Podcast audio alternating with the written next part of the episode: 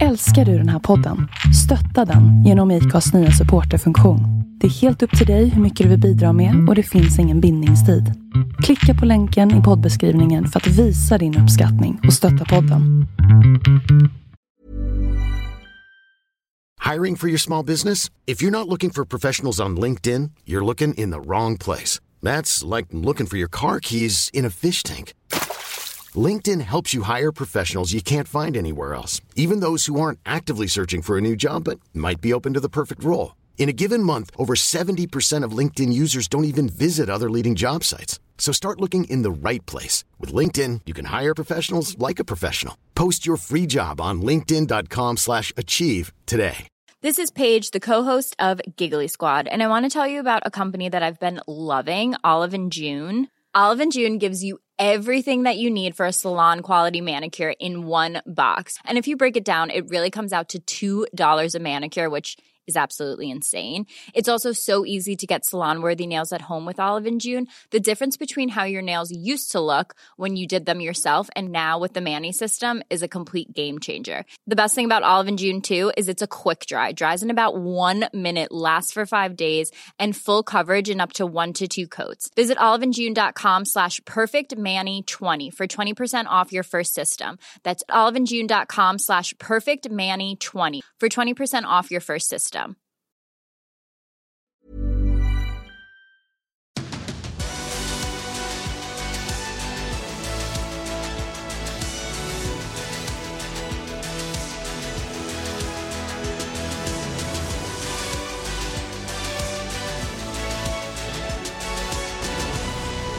Välkomna till ett nytt avsnitt av MotorGP-podden med Andreas Mårtensson och med Tobias Lajon. Hur är läget Tobias?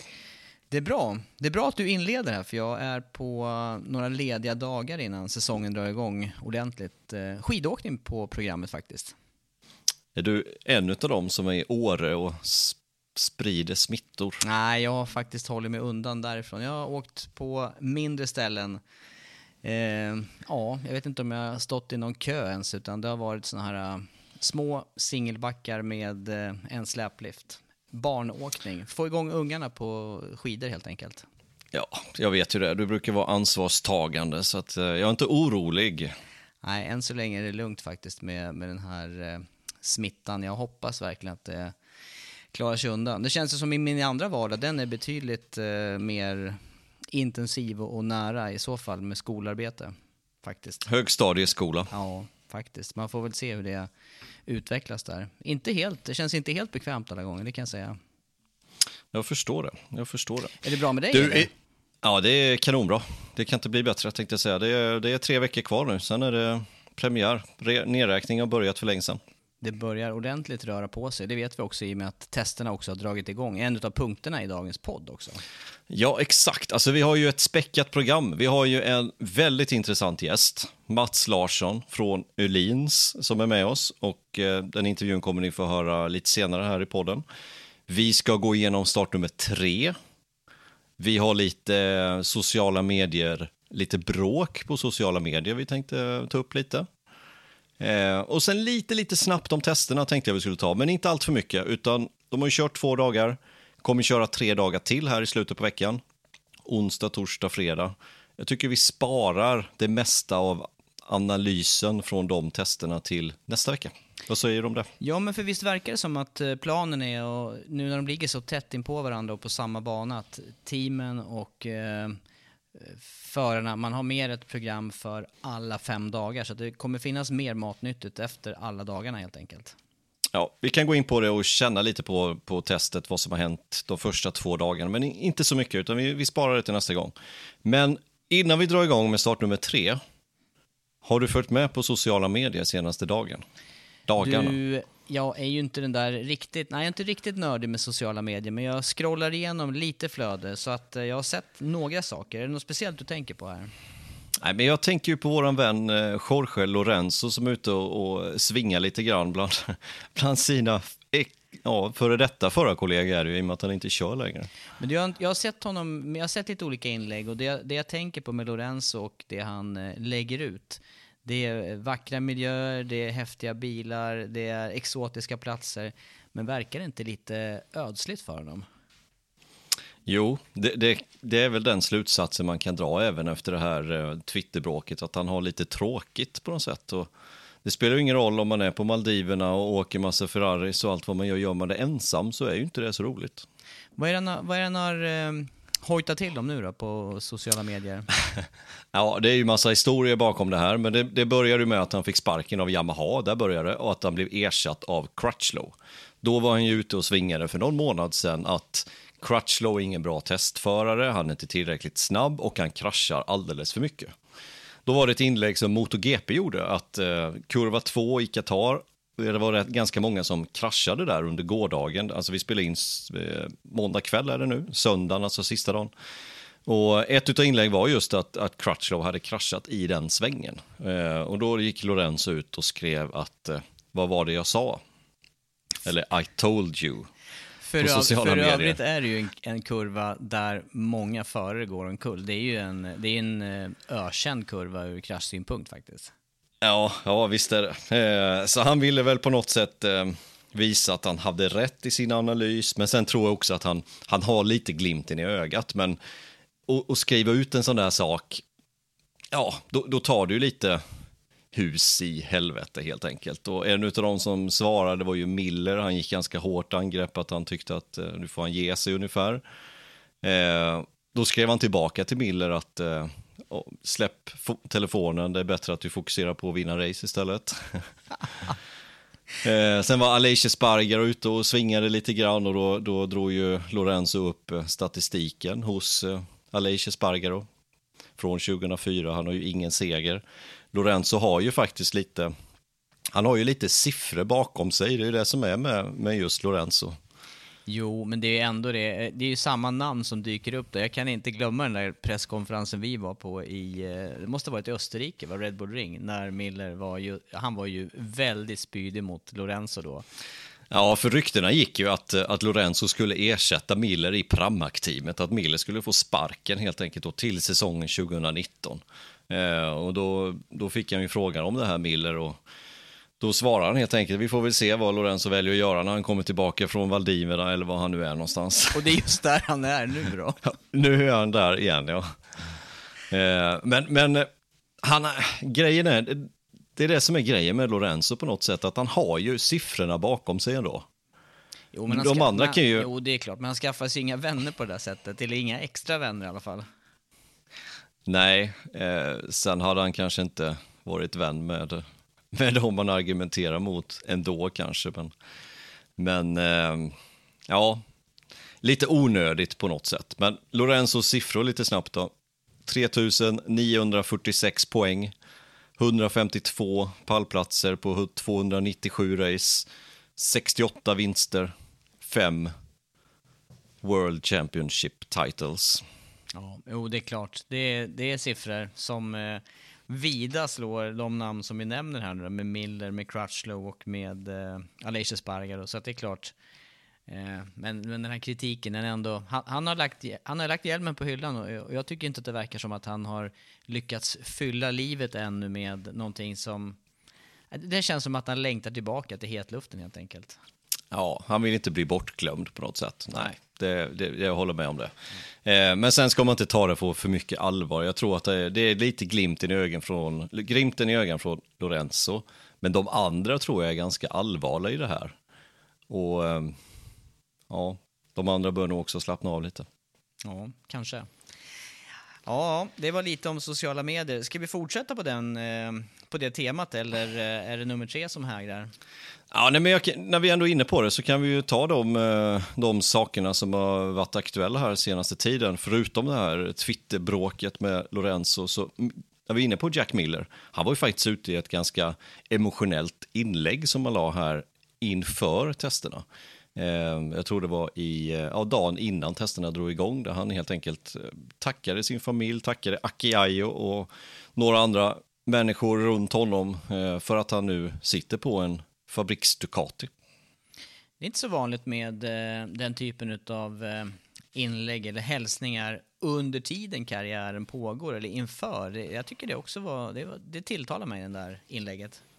Ja, mig också. Jag såg någon dokumentär just om eh, Jack Miller här. Eh, jag tror den släpptes nästan för ett år sedan, men också han, han har verkligen mognat, Miller, och, och, förstått vad som krävs. Det går inte att bo ut med, med havskusten, ut med havet i Spanien och gå på playan och hålla på liksom, utan det gäller att fokusera på den här sporten om man ska bli någonting. Eh, och det, det har han förstått. Han fick ju ganska mycket kritik när han hoppade direkt från Moto 3 till Moto GP och det var ju ändå några år sedan nu men, men han har ju visat att han eh, ändå har lyckats axla det ansvaret på något vis. Det kanske är just därför han är där han är. Att, att det blir som en extra tändvätska. Ja. Sen ska man ha klart för sig också, flera av de här eh, namnen, eh, jag tänker också tillbaka på Casey Stoner till exempel, där med, med eh, det är ju förare från ganska enkla förhållanden och som har gett upp väldigt mycket på hemmaplan och också deras familjer och som du säger där, släkt och vänner. Och det, det, är många, det är många bitar som ska falla på plats för att nå dit han har gjort nu i det här läget. Ja, och han verkar ha förstått eh, varför han har gjort det och eh, vad som krävs för att komma vidare. Ja. Så att, nej men eh, kul ändå tycker jag. Och när vi är inne på, på den punkten tänkte jag säga så har det hänt lite runt Vinales också, lite grejer privat sett. Dels så har han gått och gift sig i, i största hemlighet här för ett par veckor sedan. Och de ska ha barn. Ja, det, det, det här lyckades jag faktiskt snappa upp i mitt eh, högst sporadiska scrollande bland sociala medier så såg jag det och tänkte, va, är, är, det, är det på riktigt det här? Men, eh, för det, var, det har varit ganska tyst om Vinales och hans privatliv annars tycker jag. Ja, han är ganska bra på att um, distansera sig privat sett om man säger så då. Eh, men nu har det ändå flutit ut lite grann i cybervärlden. Eh, och vi får se vad det har för vad det har för påverkan på hans karriär. Ja, jag tänker också så. Eh, vi har sett eh, andra förare bli föräldrar och vi snackade nyss om Crutchlow där som har barn sedan tidigare, men just det här bland de absoluta toppnamnen där, eh, ja, jag vet inte heller hur det där hur det där sätter sig, för det är ju helt klart någonting som tar bort fokus från själva uppgiften, så är det ju. Ja, men, men, återigen, jag vet inte, är det positivt eller är det negativt? Och det tror jag är mycket beroende på vem det är. Kolla på Dovizioso, han har ju en dotter som är, hon är över tio nu, vad jag, någonstans runt där i alla fall, kanske till och med lite till. Eh, och det har ju gått ganska bra för Dovizioso de senaste tre åren, tänkte säga fyra åren då, förutom förra året. Så att, ja, det, det beror på hur han tacklar situationen. Mm. Men att det, att det påverkar, det är därför vi tar upp deras privatliv egentligen här, för att det, det påverkar på, en, på ett eller annat sätt påverkar det. Positivt eller negativt, det vet vi inte förrän efteråt. Nej. Ja, och sen vet jag också att Mark Marquez har eh, lagt ut någonting och det är ju också det är ju högintressant för här handlar det om eh, sexfaldig världsmästare som missade hela fjolårssäsongen med skada och hur, hur är skadeläget för hans del nu egentligen? Ja, den släpptes ju idag. Som sagt, vi spelade in detta måndag kväll och eh, det släpptes en video med en intervju med Marquez där man fick följa honom helt enkelt under en träningsdag i princip. Han, han visade vad han tränade, han var ute och sprang lite. Jag tycker att det ser, jag tycker att det ser riktigt bra ut för Marquez. Kommer han köra i Qatar? Det är för tidigt att säga. Eh, men det ser bra ut. Mm. Bättre än vad det har gjort sedan 20 juli eller vad det var. Jag läste också i samband med det att eh, han hade ett ganska långt eget inlägg kring det här också. Beskrev att han hade haft problem med en eh, hel del vardagssysslor så sent som för några veckor sedan. Så att det är ju ändå det här, ja, hur, hur tidigt ska han hoppa upp i sadeln? Visst, han kan säkert köra motorcykel redan nu. Men på vilken nivå och hur mycket är det värt att riskera? Det blir lite extra vilotid om man hoppar över de här två inledande racen.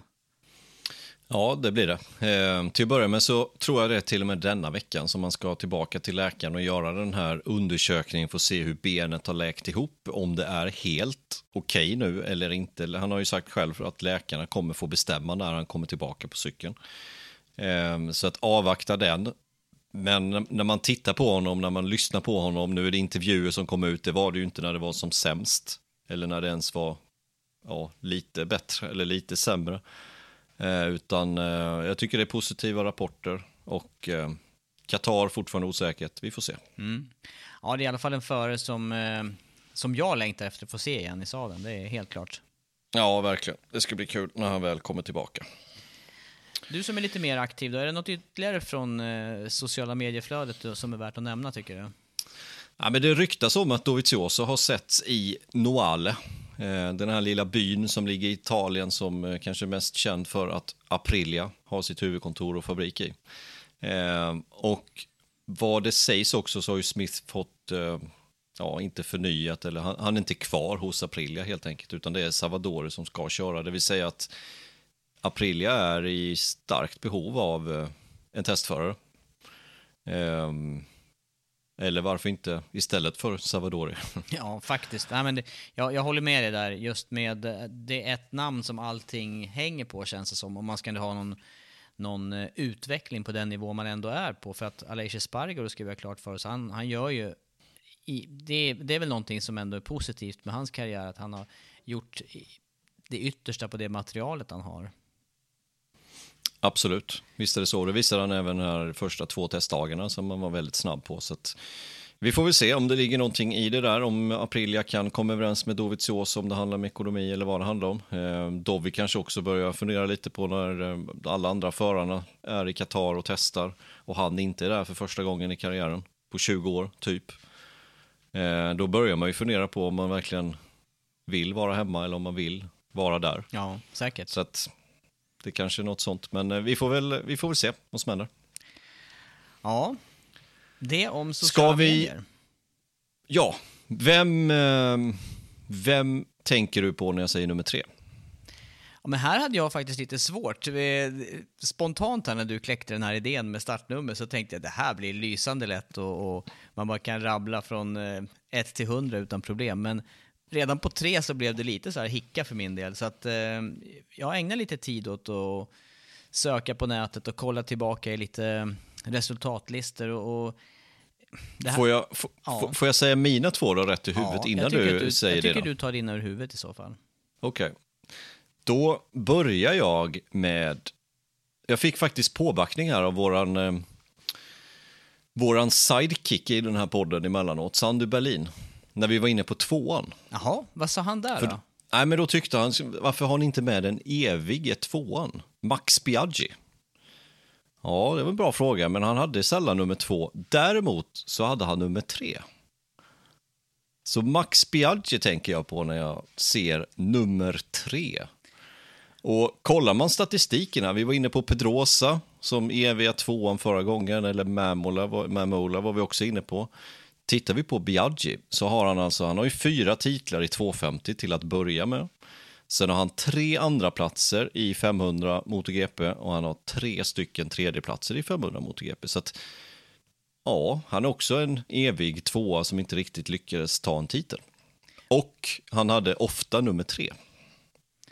Ja, det, och det här, gäller det här både i eh, 250 och i eh, 500? Eller var det 500 just han körde med nummer tre? Det är 500 Ja, i slutet. Han blev ju trea några gånger, så därför hade han ju nummer tre. Och sen fortsatte han ju med den traditionen när han sen kom till Superbike-VM. För där körde han ju massa år efter han la ner karriären i MotoGP 2005. Eh, så körde han ju faktiskt i Superbike-VM, han tog en titel där dessutom. Och, eh, eller två kanske till och med. Ja, jag undrar om det inte blev två till slut. Jag tror det. Ja, två stycken titlar, 2010 och 2012. Mm, dessutom, blev, dessutom blev han ju faktiskt trea två gånger där också. Så att trea är någonting som, som passar Max Biaggi och han kör ofta med nummer tre och har ju blivit hans varumärke nu på senare år egentligen. Så att för mig är nummer tre, då tänker jag främst på Max Biaggi. Ja, du ser, jag får ju upp ögonen igen här. Alltså det här. Nu känner jag mig inte helt vaken när du säger det, för jag hade faktiskt två andra namn och det här blir ju mer historiskt. Får jag, får jag säga en av dem ja. då? Är du säker eller ska du dra den på en gång? Nej, jag, jag har säger... en till Nej. som är på din tid. Ja, men då säger jag Freddie Spencer. Ja, det är före min tid, det tänker inte jag på. Nej, vem... Hade han nummer tre ofta? Nej, och det här blir ju igen, nej, och det, nu blir det också det, hur, hur väljer man ut de här startnumren då, man ska snacka om? För att jag fick också lite backning på våra nummer ett där, varför vi inte snackade om eh, Agostini. Eh, och då sa jag så här, men det här var ju helt före min tid på något vis. Det, det, det, är klart att han var nummer ett under många herrans år och många tillfällen, men samtidigt så, ja, jag, jag vill ju ändå hävda att konkurrensen var en annan på den tiden, både motorcykelmässigt och förarmässigt. Ja, där kom ju våran sidekick Sandu Berlin också med ett inlägg, nummer ett, som han tyckte då är Kenny Roberts. Och det sa jag också, det är lite före liksom min tid. Även fast jag vet att han körde med nummer ett också ett par säsonger. Hur vi nu väljer ut siffror. Jag nappar ju såklart på det du säger om Biaggi där. Men Spencer, det var precis den eran när, när jag fastnade för eh, GP-racing ordentligt där. 81, 82 och nu är vi framme vid 83. Och just kampen där med eh, Kenny Roberts på Anderstorp och eh, hade den tiden eh, hade det varit samma mediebevakning som idag, då hade det blivit samma snackis som efter eh, Rossi Marquez incidenten i Malaysia skulle jag säga. För att den där eh, avsättningen där som gjorde att Spencer vann racet och sen också tog VM-titeln, den där Ja, jag har ju snackat med båda live efteråt och eh, de hade ganska olika bild om det fortfarande för två år sedan när vi, när vi möttes i USA. Eh, men just eh, nummer tre hade Spencer vid det tillfället och då tänkte jag att för mig passar det bra att välja Spencer i det läget.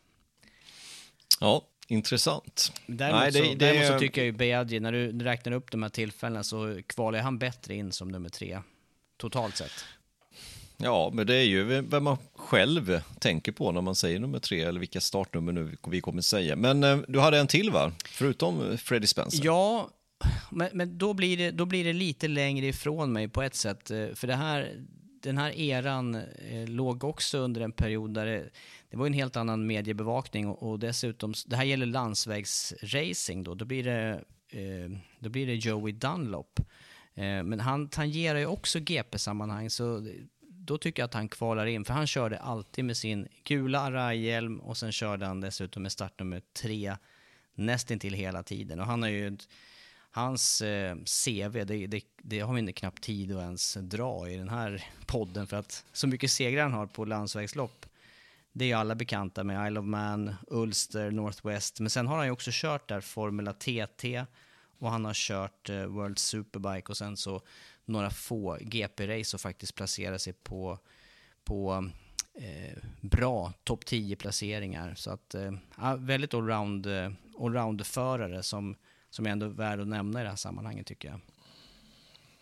Jag förstår. Ja. Körde han med nummer tre för att han blev tre året innan eller för Nej, att det var hans nummer? Jag undrar om det där var kopplat till hans... Eh, en av hans första segrar, om han körde med nummer tre då, så fick det hänga kvar som någon slags turnummer. Det var mycket, såklart mycket eh, det här med att man eh, var vidskeplig ännu mer just bland landsvägsracingförare och då var det läge att behålla någonting som det hade funkat med sen tidigare. Just det. Ja. Nej, Jaha, inte... så Dunlop och Spencer ja. är din nummer tre alltså? Ja, det blir för mig. Yes. Ja, okej. Okay. Ja, jag har Biaggi, sen har jag en till faktiskt som jag tänker på med nummer tre och det är Luca Cadalora. Samma era Han körde, ungefär. Ja, ungefär samma era blir det ju. Lite tidigare Cadalora. Han eh, hade också ofta nummer tre. Tittar man i statistiken så visst, han blev trea två gånger, tre gånger. Så blev han trea i mästerskapet någon gång i, eh, i 250 och ett par gånger då i 500. Även en andra plats 94 då efter Duhan. Han blev tvåa i mästerskapet. Och sen har han två tredjeplatser efter det, 95 och 96. Ehm, men jag vet att han kör ofta med nummer tre och Biagges trea och Cadaloras trea är inte helt olik varandra. Nej, faktiskt. när du säger det så minns jag de här. De är lite kantiga, eller hur? Ja, ja. exakt. Och, och Cadalora hade någon, någon vit hoj han körde som han hade nummer tre på. Väldigt clean Honda NSR där utan, eh, utan spons i princip. Ungefär så var det, ja. Mm. ja precis. Och så, och så var det så lite att, eh, italienska färger blandat i det här på om det var hjälm. Jag har för mig att den hade en rätt snygg hjälmdesign det året också, som är mer eller mindre italienska flaggan. Ja, sen vann han ju faktiskt mästerskapet med just nummer tre, det gjorde han 1990. Eh, då hade han, eh, då hade han nummer trean och sen vann han då 91 och 92 i 250. Så att, eh, ja, det blir två stycken, kanske mest kända för sina 250-framgångar som jag, ja, som jag sträcker fram här. Mm. Ja, Intressant. Eh, de där förarna är ju väl i min era också. Eh, ja, man får upp bilderna direkt framför mig när du beskriver utseende på cyklar och startnummer. Men du, hade du någon person, har du någon personlig favorit av de två förarna? Har du varit någon fan av någon av dem? Nej, det har jag väl inte egentligen. Eh, Biaggi är ju lite... Han umgås ju mycket med Lorenzo, de är ganska lika de två. Ja, faktiskt. Och in... Grymt, grymt snabba, men kanske inte helt eh, politiskt korrekta. Nej, inte gånger. så populära att jobba med. Jag minns ju den när Biaggi fick eh, gå ifrån, eh, han körde ju fabriks-Honda då och eh, fick helt, och, undrar om inte slutade tvåa i VM hans sista år han körde. Nej, femma slutade han 2005, men han körde ju... Sista tre åren körde han ju Honda. Först för Pons-teamet två år eh, och sen fick han faktiskt en Repsol-styrning i Repsol-Honda, men det blev bara en säsong 2005. Ja, och- Sen fick han kicken därifrån. Ja, och, och då var det plötsligt inget annat som stod på bordet för honom, utan det blev bara tack och hej. Ja, det blev det. Det var ett sabbatsår och sen kom han ju tillbaka då i Superbac-VM från 2007. Och var i och för sig väldigt snabb där, så att det är en snabb förare, men som sagt var, gjorde sig, som jag förstått, eh, svår att jobba med. Eh, så det, är väl det, det var väl det som gjorde att han inte fick några nya erbjudanden att köra vidare. Ja, säkert. Säkert var det så. Nej, men eh, fyra titlar i rad, dessutom då i 250. Eh, första tre på Aprilia och sen byter han märke till, till Honda och vinner då direkt på Hondan också. Så att eh, grymt snabb förare och som sagt, det blev ju tre andra platser och tre tredjeplatser i mästerskapet. Så att det är nära. Mm, mycket. Ja, jag, hade, jag, jag tänkte där på Cadalore ett tag, eh, just när han körde den där helvita Hondan. Det var verkligen underdog-stämpel på honom den säsongen. Så att jag, jag, vill- minnas att eh, jag hade någon, eh, någon förkärlek, i alla fall hoppades att det skulle gå vägen hela ända in i mål för hans del. Men som sagt var, det räckte inte till en VM-titel i, i 500. Men en eh, kämpe, minns jag honom som. Absolut. Jo. Ja, nästa gång är det nummer fyra och eh, då blir det lite mer nutid misstänker jag. Den känns eh, lättare att pricka. Den kan jag, den, eh, spontant så tror jag vi tänker på samma förare till stor del där. Ja, det får bli nästa gång. Ja. Du, eh, vi hoppar vidare tycker jag då. Eller vad säger du? Du hade punkter här med eh, testerna också, får vi inte glömma, i Qatar som eh, precis har tagit paus. För det är ju två tester. Eh, tre dagar här, första dagen med testförare och sen två dagar med officiella förare och eh, fulla team. Och sen fullföljs den här eh, utdragna testen då här i slutet på veckan med, med tre ytterligare dagar. Ja, exakt. Fredag, eh, rookie-tester och för testförare. Lördag, söndag för allihopa. Eh, ledig här nu måndag, tisdag och sen kör de igång onsdag, torsdag, fredag. Och sen är det eh, slut på testandet. Sen är det race efter det, helt Det är enkelt. kort testsäsong, eller hur? Ja, men det är väl skönt att vi kommer igång med racen. Det vill vi ju. Ja, ja, men jag tänker på för de som ska ha ihop allting här nu. Men å andra sidan så har det ju, det har vi dragit i tidigare poddar, det är inte så stora förändringar som får göras eh, rent eh, tekniskt på cyklarna. Nej, det är ju inte det. Eh, Även fast vi såg några nya saker på de här testen. Eh, Ducati som vanligt kommer med sina aeropaket och vad, vad det kan vara för någonting. Och jag vet inte riktigt om jag tycker om de där på underkåpan nu har de ju också. Ja, ja Du, Jag tänk, vet inte. Tänker du utseendemässigt här eller tänker du, du brukar ju vara mer funktionsinriktad här, om det är bra eller inte. ja, ja. Men jag vet inte riktigt vad jag tycker om det där. Nu, det är ungefär samma sak som med de här startanordningarna. Nu har alla det. Nu kan man väl liksom gå ifrån det på något sätt, känner jag. Ja, det är väl så med allting där med utveckling då. Och då kan vi backa tillbaka och stryka elektronik och vi kan stryka, vi kör stelben igen och allt möjligt där. Ingen quickshifter och Ja. inget Nej, sömlöst. jo. Nej, det är lika Nej. bra. Ja, det är lika bra. Upp och nervända gafflar, det kan vi skippa. Japp, det får vi Tillbaka höra. till- får vi höra i nästa inslag hur bra det är. Det låter ju faktiskt som att det är dumt att skippa upp och nervända gafflar. Ja, det får veckans gäst berätta om. Men eh, ah, jag vet inte. Men i vilket fall som helst så kommer de ju alltid med nya innovationer och det är ju alltid roligt att titta på åtminstone. Eh, sen om det fungerar klockrent eller om det inte fungerar eller om det är sådär eller hur det är, det får väl framtiden visa. Eh, men eh, dra lite snabbt i listan här och så var det Quattararo som toppade listan Eh, 53.94, den enda föraren under 54. Tittar man förra året så åkte Vinjale snabbast, eller körde han snabbast på 53.8, så att det var precis i de krokarna. Eh, nu kändes det ändå som att förarna gnällde ganska mycket på vädret. Det var ganska blåsigt. Eh, speciellt under fredagen under rookie-testet. Den blåste ju nästan bort den dagen. Ja, men och till det ska vi tillägga att eh, med vinden så kommer ju också massor, massa sand in på banan. Det blir, den, är, den blir rejält dammig i de förhållandena. Så att jag tycker det här är imponerande tider så snabbt in på testet. Ja, jag tycker också det. Så Quattararo toppade före Miller som var tvåa. Eh, Aleix Spargero var trea. Det är, de, det är tre, tre olika märken då helt enkelt, topp tre och sen är det Morbidelli då på, på Yamaha återigen då på fjärde plats. Och så har vi Bradel på femte. Jag tycker Bradel visade verkligen framfötterna här och eh, att det gör nytta att köra mycket. För han har kört lite grann här under vintern. Han körde, fick även köra i fredags i och med att han går ju under testförarprogrammet. Ehm, så att jag är imponerad av Bradel ändå, måste jag säga. Ja, nej, men jag håller med dig där. Men, men det har ju också stött på en hel del kritik och det här har vi också varit inne på i tidigare poddar. Eh, just det, var ska man dra gränsen nu då när han har varit både, egentligen har han haft dubbla roller under hela förra säsongen, både som testförare men också som ordinarie ersättare för Mark Marquez. Ja, det är svårt att dra den här gränsen när man inte vet när Mark Marquez kommer tillbaka. Eh, vi får avvakta och se och bedöma det efteråt på något sätt.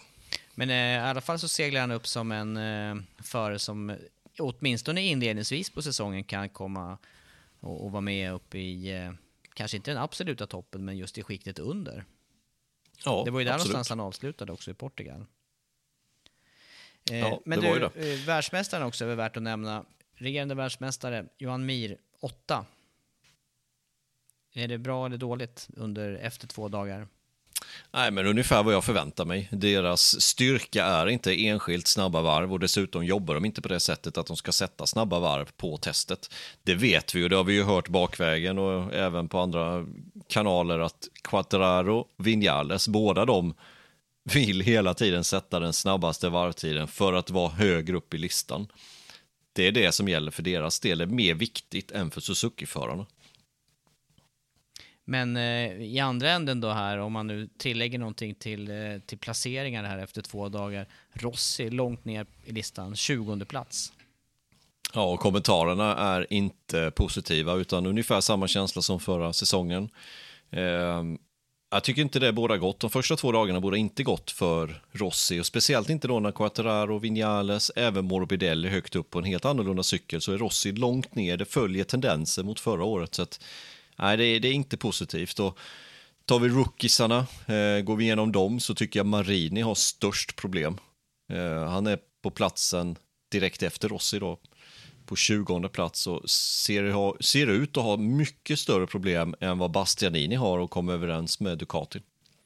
Ja, eh, och eh, sen är det dessutom då den eh, tredje rookieföraren, eh, ja just det, förlåt du nämnde det, Bastianini. Jag tänkte på Martin också. Eh, vad har vi honom i listan?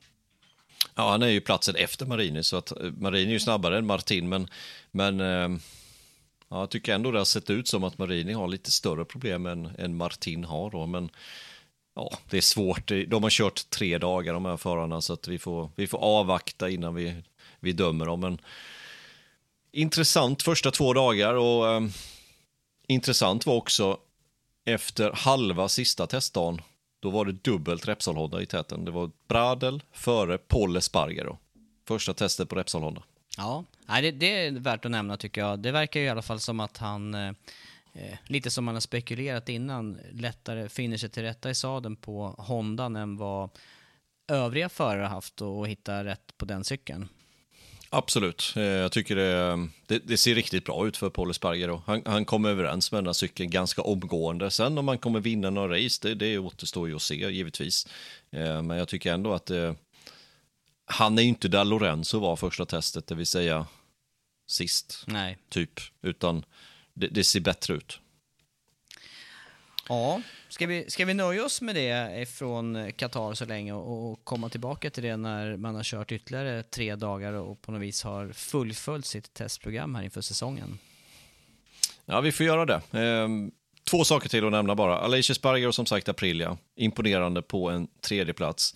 Eh, en annan förare jag vill lyfta efter de första två dagarna det är Sarko. Jag tycker det ser riktigt bra ut på Pramac Ducatin för Sarko. Han sitter ju på det senaste materialet nu så att det där blir eh, det blir spännande att följa. Mm. Han har ju hittills faktiskt, det är ju egentligen det enda lågvattenmärket han har haft, det är ju också eh, därifrån han begav sig då med KTM. Annars har ju han varit stark på den här, ja, på oavsett vad han har suttit på i GP-sammanhang. Ja, han har varit det. Så mm. att, äh, det blir spännande att följa. Det, det, ser också lovande ut efter de två första dagarna. Så att, men som vi sa inledningsvis, vi får, äh, vi får återkomma nästa vecka mm. när de har kört tre dagar till. Kastar vi oss in i, eh, i fjädringsdjungeln då? För det är en viktig komponent när det kommer till motorcykelracing i synnerhet. Och all racing. Det gäller att ha kontakt med underlaget, annars vet vi hur det kan gå, eller hur Andreas? Ja, det går oftast dåligt. Det går oftast dåligt, ja. Mats Larsson, utvecklingsavdelningen på Öhlins och med lång och bred erfarenhet från eh, olika sorters motorcykeldiscipliner, men framförallt så känner vi honom ifrån eh, MotoGP där han har befunnit sig på all världens banor under många år och sen då däremellan i eh, Upplands Väsby hos Öhlins. Imagine the softest sheets you've ever felt. Now imagine them getting even softer over time. That's what you'll feel with Bowl and Branch's organic cotton sheets. In a recent customer survey, 96% replied that Bowl and Branch sheets get softer with every wash. Start getting your best night's sleep in these sheets that get softer and softer for years to come. Try their sheets with a 30-night guarantee. Plus, get 15% off your first order at bowlandbranch.com. Code BUTTERY. Exclusions apply. See site for details. Hold up. What was that? Boring. No flavor. That was as bad as those leftovers you ate all week. Kiki Palmer here, and it's time to say hello to something fresh and guilt-free. Hello Fresh. Jazz up dinner with pecan-crusted chicken or garlic butter shrimp scampi. Now that's music to my mouth. Hello Fresh. Let's get this dinner party started. Discover all the delicious possibilities at hellofresh.com.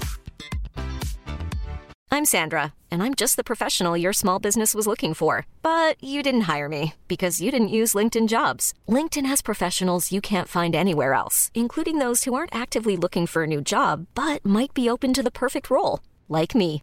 In a given month, over 70% of LinkedIn users don't visit other leading job sites. So if you're not looking on LinkedIn, you'll miss out on great candidates like Sandra. Start hiring professionals like a professional. Post your free job on linkedin.com/achieve today. Då säger vi välkommen till Mats Larsson från Elins, avdelningschef på svenska och general manager Motorcycle Racing eh, Development. Hoppas jag får det där rätt, Mats. Välkommen. Det stämmer bra den. Välkommen. Tack, Tack grabbar. Hur är det med dig? Ja, det är lugnt. Det är lugnt. Det är ganska stressigt nu för MotoG-uppstarten här så att eh, men hyfsat under kontroll måste jag säga.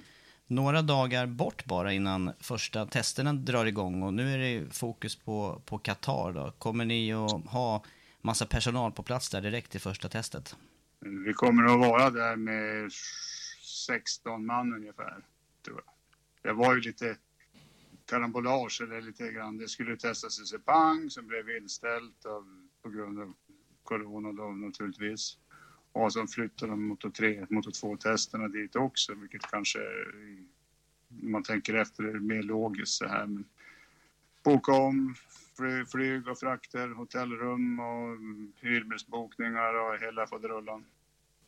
För, för oss är det ju, för oss som sitter i kommentatorshytten så är det ju lite utav eh, paus under vinterdelen på säsongen. Det gäller ju såklart att uppdatera sig, men för, för din del och er del på Elins, vad är det som händer under perioden här mellan säsongerna? Det är ju egentligen den, den mest hektiska perioden. Det är sista racen som brukar vara, nu var det i Portugal, men normalt så är det i Valencia. Då gör du klart alla kontrakten och allting och så ska du vara hem och så ska du då våldskonstrueras och försöka få allting klart för alla order du har då som ska vara klart då under eh, ja, nu första veckan i februari, normalt sett. Och då är det ju alla firmor som du anlitar, de har ju lite ledigt över det här i jul och nyår. Så att, ja, det är pressat. Då är det, det är inget happy place just då för racingavdelningen. Nej. Då är det full fart. Ja, det känns ju som jag hoppar rätt in i händelserna här, men du måste ju berätta lite grann för... Vi, det, vi har ju stött på varandra under 15 års tid, om det inte är mera, på banor runt om i världen. Men vem är du? Vad har du för bakgrund själv? Ja, jag är crossåkare i grund och botten. Det är, det är, det är min motorcykelhistoria, så att säga. Jag började åka cross på den svartvita tiden, 1973. Och eh, det gick väl hyfsat sådär. Och så sen då gå skolan, och klart tekniskt och det där.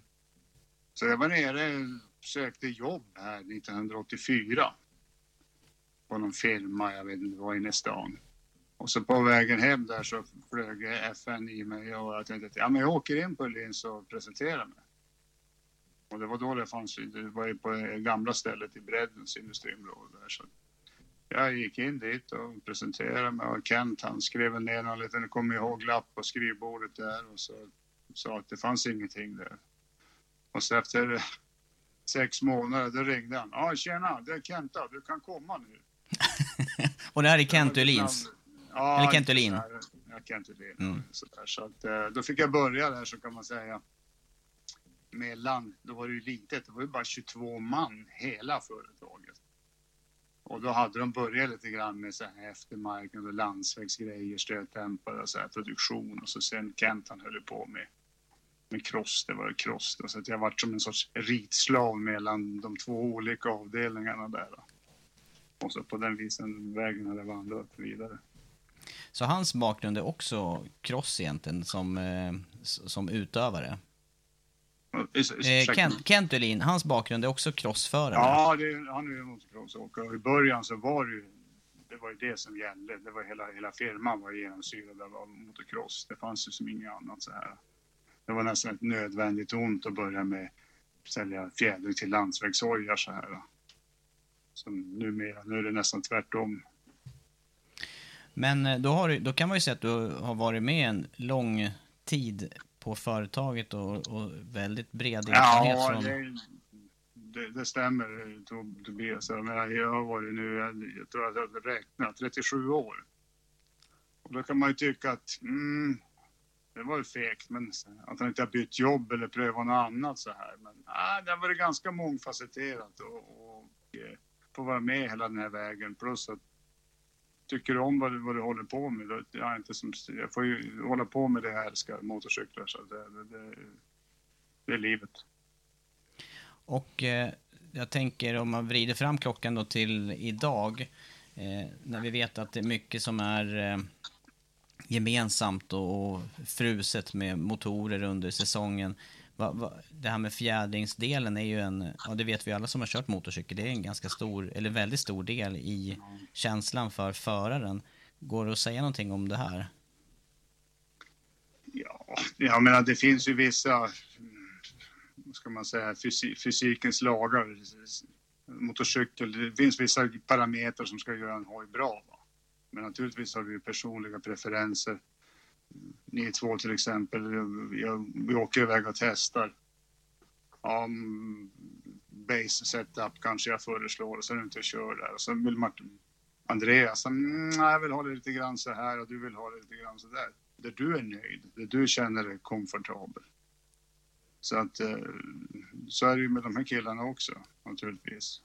Vi har ju en, en, en grundbas där man kan, man kan beräkna sig fram och testa med det länksystemet och så vidare. Då börjar det se ut så här. Va? Och oftast så träffar vi rätt nästan på en gång. Va? Men sen ska det tvikas lite grann och så här. Ibland är det med, med, med rätta och ibland kan det vara en psykologisk förändring. Då. Men vad är de stora utvecklingsstegen tycker du som har varit under den period som du har arbetat med fjädring? Ja, det börjar ju då att vi... Min claim to fame är väl att kanske få in upp och nervända framgafflar mm, på stort genomslag så här. Och det var ju dels den grejen, men det är ju 1988 ungefär, så det är ett bra tag sedan. Sen har det varit friktionsnedsättande grejer på framgafflar till exempel. Och även stötdämpare och eh, utveckla länksystem. Det har vi faktiskt varit ganska ledande här. Så många fabrikanter fortfarande hör, hör av sig till oss va, och vill att vi ska titta på utväxlingar och titta på lämpliga ja, designförslag till dem. Men på sistone har det väl varit mer att, att utveckla dämpsystem som har en bra så kallad, jag ska inte krångla till det här med dynamik. Att eh, du bygger upp dämpningen snabbt när, när, du trycker ihop gaffeln eller stötdämparen, att du inte har någon tidsförskjutning där då, till rörelsen. Och kunna styra det då, så att säga. Men i övrigt då, för den som inte är så insatt i fjädring här, vad, vilka funktioner är det som man eh, arbetar med i en stötdämpare eller i eh, en gaffel? Det är mest eh, vad man ska kalla lågfart. Men du vet ju, du har ju numera till och med på standardhojar en massa knappar och rattar, eh, lågfart, högfart och high speed adjusters och allting sånt där. Jag ska inte säga att det där är en gimmick så här, men i de flesta fall på, på serieproducerade så är det väl lite mera trams kan jag väl nästan säga. Det är oftast där du känner som förare och allting, det är egentligen lågfartsdämpning som du kan justera på de flesta. Och eh, det vill fabrikanterna också ha så att säga. De, de anser det helt onödigt. Vi kan lätt förse en stötdämpare och justera utifrån en jag tror vi har själva haft någon gång en stötdämpare med 6-7 justeringsmöjligheter utifrån. Men då blir det till och med, till och med för oss blir det svårt att hålla reda på alla de där. Utan de, de vill ha toppteamen, enkla, snabba svar, bra respons och inte så komplicerade. Eh, kiss, keep it simple stupid. De, de, eh, det är för, för, eller förvånansvärt lite utvändiga finesser på de här, om man nu tänker.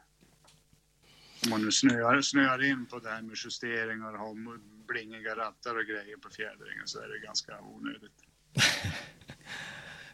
Ni levererar ju fjädring till alla teamen utan KTM. De har sitt eget. Eh, alla MotoGP-teamen. Hur, är det någonting som skiljer fabrikat till fabrikat där? Eller är det samma produkt som ni tillhandahåller till Yamaha, Suzuki, Aprilia, Honda? Det är klart att det, det skiljer det, lite. Det är det som 2009 där när eh, Honda 8-9 när de gick in där, då, då, hade vi alla i princip. Och då var det ju var det lite speciellt det där. För att då har du som kommit högst upp på, eh, på toppen. Och då gäller det att sitta kvar där. Resan dit är ju nog svår. Och då gäller det att, att du behandlar alla kunder på ett sånt sätt så att de tror att de är speciella.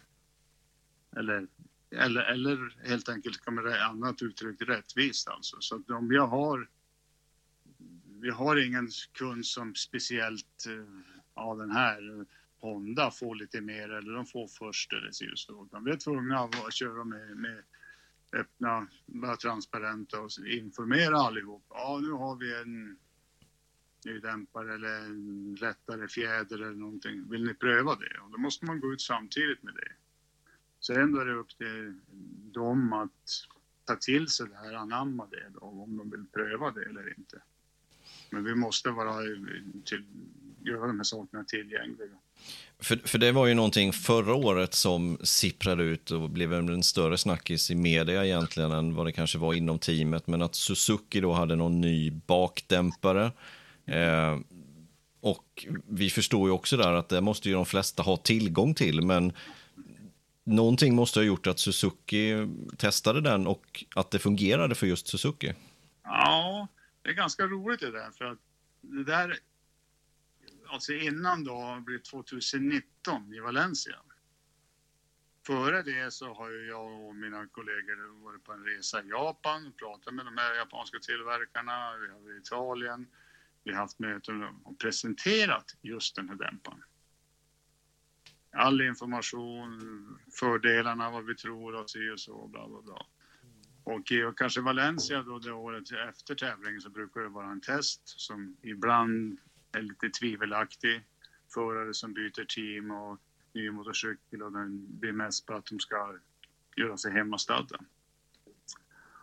Och till åtföljande test då, nästa, när, några månader senare då man befinner sig då i, i början av februari Sepang, så har alla team minst två stycken med dämparna. Men eh, det är ju inte bara fjädring på en hoj. Det är nya förare, det är motor, olika motorspesar som ska testas, en uppsjö av däck, ramar, styvheter, you name it. Så att den enda utav dem som, som, som anammade det där och satte upp det på sin, officiellt på testinglistan, det var Suzuki.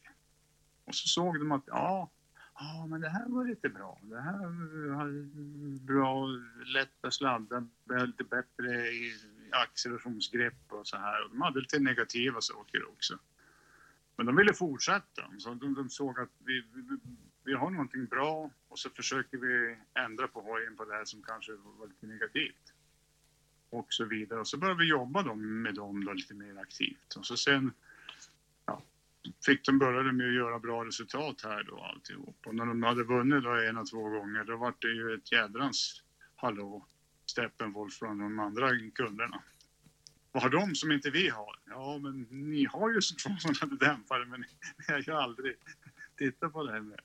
Och då var det väl ungefär att ja, mm, ja just det. Mm, det, det stämmer. Och så började de testa och så, ja just det, det här var inte så dåligt det här. Och så, då var det ju det var ju månadens, veckans bästa så att säga. Då skulle ju alla ha den där på en gång. Och, det var ganska kul det där, men alltså grejen är att gå tillbaks. Du måste vara öppen så att säga och erbjuda samma. Kanske för att Suzuki var, var ja, minsta teamet. De har inte så, så krångligt, utan ganska enkelt. Så här, inte så, och de hade lättare till att ta till sig det där. Jag vet inte. Nu när vi ändå pratar om Suzuki, Davide Brivio försvinner ju därifrån och jag misstänker att du har ganska, eller hade god kontakt med honom, har säkert fortfarande. Hur, hur tror du det kommer påverka Suzuki? Ja, jag tror att många, de, de japanerna naturligtvis har, har, har vet en stor del i det där.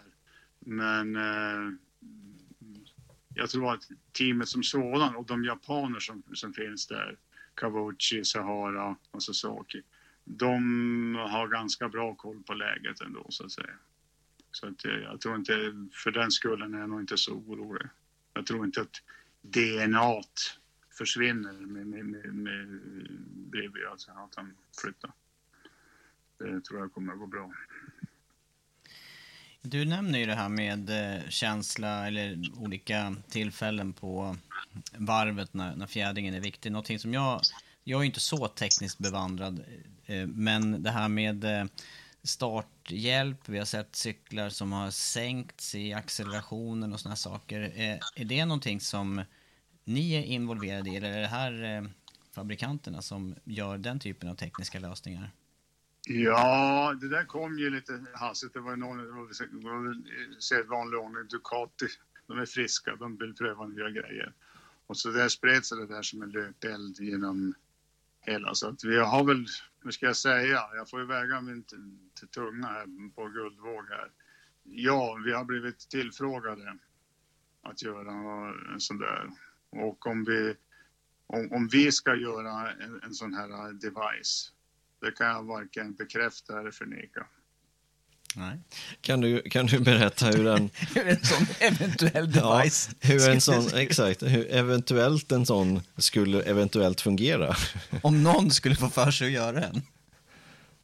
Ja, det är lite, lite krångligt det där, men du vill ju, du vill ju sänka hojen då för att minska, sänka tyngdpunktscentrum så att säga och minska risken för att, ja, det ska gå bakhjulet så här. Men du vill ju ändå inte göra avkall på, på fjädringsväg. Att om du så råkar sänka den och så sen kör du på en, en bula eller någonting där då, och så sen går du in i, i buntgummit eller bottnar, ja då tappar du ju riktigt greppet bak och så där. Så att, Ja, det är knepigt. Plus att du får ju inte använda någon sorts elektronik. Den ska fungera av de rörelser som motorcykeln själv skapar eller den går över ojämnheter och sånt där. Så att det är lite knepigt. Ah, det är Ja. lite känsligt. Ja. Jag, jag har väl, men jag kan inte avslöja. Nej, men jag är, lite för, jag är faktiskt lite förvånad just sådär rent... Eh, ja, men om man tittar på crossen som vi var inne på tidigare här, där har man ju använt sån här, eh, i alla fall för gaffen, ganska länge att man har sänkt cyklarna och just i, på, på roadracing-sidan där så har jag egentligen varit lite förvånad att man inte har haft någonting tidigare, i alla fall inte som har varit så synligt. Ja, vi, vi, det där är lustigt. Jag tror någon gång 2010, 2009 så pratade jag, jag vad heter han, eh, Jeremy Burgess om det där. Tyckte att ja, det var plätt lätt och det skulle vi kunna åstadkomma. Men det var ingen som som anammade det där. Ibland det, går det mycket så här, eh, vad ska man kalla det, tradition eller det är ganska konservativt så här. I racing så vill man ju alltid ha det värsta, det nyaste, det bästa, lättaste, snabbaste som så här. Men att kasta någonting helt oprovat ut i en tävling, ja, då blir man helt plötsligt väldigt konservativ. Att, mm, vi ska nog pröva det här som vi, som vi känner till så här då. Och eh, ibland är det en del, eh, jag kan ju bara säga, och även om vi har idéer och så här så måste vi respektera varje tillverkare, deras sätt att, att göra saker och ting. Men en del är ju faktiskt ganska konservativa och de vill ha nya grejer. Men när de får det så, mm, ja, vi vet inte riktigt så här. Så, be careful what you wish for. Mm. Om vi går tillbaka till den här bakdämparen lite då som presenterades i slutet på 19. Vad är det för fördelar med den jämfört med den som fanns innan? Jag, jag kan inte, jag kan, jag, vi kan säga så här, vi har fått bättre drive grip där man accelererar, man mm, åker hojen mer upprätt och bättre side grip, alltså när man max nedlägg. Och det där har gjort också att det blir lite mer stabilitet vid inbromsning faktiskt. Även om att bakhjulet nästan bara då är i luften eller bara nuddar asfalten. Men eh, som alltid när man löser ett problem, då höjs ju ribban. Så att, eh, så att jag, jag, jag gör mig nog inga förväntningar om, om två månader, tre månader in i säsongen, då är det samma klagomål igen. För då alla, De vill ha mer grepp det är som och bättre en inbromsningar. konstruktörs akilleshäl så här, det är konstanta så här. Men när man, när man testar den typen av eh, produkt då, som du pratar här med, med bakdämpare där, Eh, med, med all elektronik som finns nu, testar ni med eh, mycket elektroniska hjälpmedel då eller testar man så neutralt som möjligt? Nej, det, är, det, det går ju inte. Så att säga, så MotoGP-hoj så att säga, den går ju, den går inte att åka på om du inte har alla de här elektroniska hjälpmedlen på hojen. Så att oftast är det ju så att i, om det är en två dagars test eller tre dagars test, då är det ju att när man har sorterat ut blippen och vad heter det, motorbromsfunktion och allting sånt där och kurvpåslaget och allting, traction control och alltihop vad det kan heta. När de då har kommit till någonting som, mm, det här är bra och de har valt något däck, då går vi in. För annars är det, nästan, det är helt omöjligt. I början av MotoGP-säsongen här, eller eran 2003, 4, 5 där. Det var ju rena mörkret. Då. För det var ju högt och lågt. Då jobbade vi inte med, med, med Honda, men, men alla andra tillverkare. Det bara brålade och skrek och hoppade och for i alla de här hojarna. Det var nästan omöjligt för föraren att, att känna om det var fjädringen, om det var kopplingen eller de var så aggressiva motorerna och allting sånt där.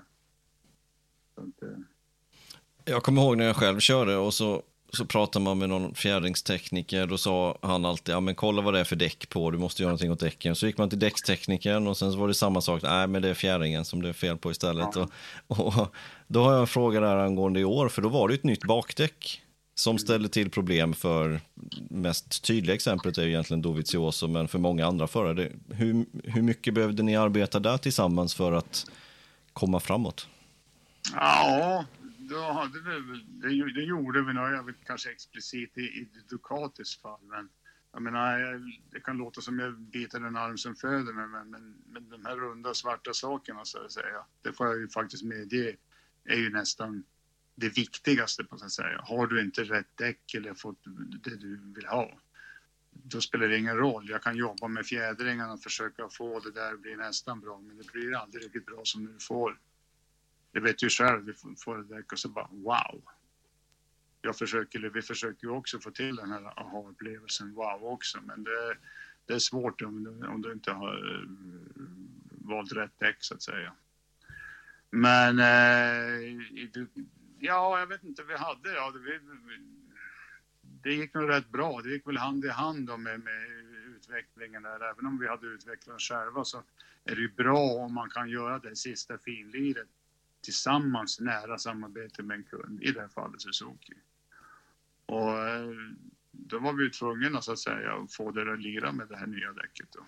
Så att eh, det gick väl. Men eftersom då Suzuki i det här fallet hade gjort sin hemläxa, hade legat ner och dragit så här och de andra blev kanske lite tagna på sängen där då, efter halva säsongen. Efter Misano eller om det var i Aragon, jag vet inte när alla skulle ha det där. Då, då, då, eh, då hade de inte tänkt på det. Då, var det, då fick vi kasta in en, ny parameter. Även om stötdämparen var bättre, men det ska ju passa med mm, föraren och med däck och allting. Ja, oftast är det inte bara att sätta på nya grejer, det ska ju ställas in också. Ja. Det ska det göra. Ehm, Men ja. ihop, ja, ihop med det bara, jag vet att vi har pratat förut Mats om det här med, med chatter som ett fenomen när det, när det studsar och, och det är också,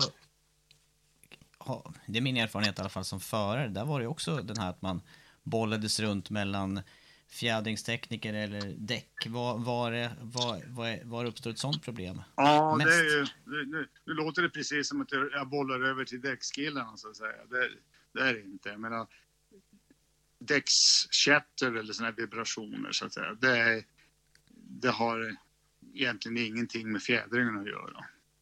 Utan det är att när du har då en, ett fel i, i ett, ett fel inom, inom situationstecken, inte en obalans, en styvhetsförändring i däcket eller si eller så, så här. När den felet i däcket snurrar runt där och du får en viss frekvens när du kommer i en kurva 129 kilometer i timmen eller 143 och det överensstämmer med den ofjädrade viktens egen svängningsfrekvens, till exempel 20 hertz, alltså 20 svängningar per sekund. Och så har du en sån här grepp slirade, slirade, slirade till till och greppade lite grann och så här och hoppade omkring. Då har du det här, då sätter du igång de här vibrationerna då, då blir det, du, du harmoniserar det där. Och det kan bli då mellan en halv millimeter och sex millimeter, att det som bara drrrr, dörrar på lite grann så här. Det känner ni säkert till, ni som har åkt. Det där, det, och då känns det lite läppigt. Då vet man inte om man har grepp eller inte har grepp. Och alla dämpkonstnärer, dämpkrafter och allting sånt där som behövs för att dämpa ut, det finns redan. Det är där man räknar med det. Man kan ändra det fuskas lite grann med att ha bly i bakaxeln eller framaxeln som så här. Men ska man ändra den här egenfrekvensen för att ligga ovanför eller under så får du ta till med 25 kilo eller 30 för att få någon märkbart förändring så att säga. Så alla sådana här tricks som ni kan se ut i depån, det är lite mambo jambo där det är så här. Det, det- Tydligaste det är bara- exempel- ty, Tyvärr bara, byt däck. Tydligaste exempel där, det är ju egentligen i, i SAG-teamet med Gardner och... Ja, I Moto 2, ja. I Moto 2, de kör ju med någon sån här vikt, precis som du säger, där vid bakaxeln. Men eh, ja, det, det är ju en... Eh, vad kallas det? Eh, inertervikt som, som ska motverka det där. Typ av massdämpare. Ja, massdämpare, tröghetsdämpare, massdämpare, det, är det korrekta namnet. Jag kan gå tillbaka lite grann och säga det. Naturligtvis att säga, är det det här med, med chatter och en fjädring. Har du en fjädring, ett fjädringdämpsystem som inte reagerar tillräckligt snabbt, som du var inne på tidigare, just de här små, små rörelserna som kommer att byggas upp snabbt, ja, då kan du ha problem. Mm. Men det kan jag inte säga att vi direkt har nu, numera. Något som slår mig också när vi pratar här och, och eh, också när vi har eh, eh, vi snackade Brivio där och att han går till bilsidan. Eh, Nu vet inte jag hur insatt du är med bilfjädring, men, men just det här med motorcykel kontra bilfjädring. Vad är, vad är de stora svårigheterna där? Ja, Jag menar, på en motorcykel så har du ju, där tror jag att säga, även i MotoGP, även om det, det är inte som motocross precis.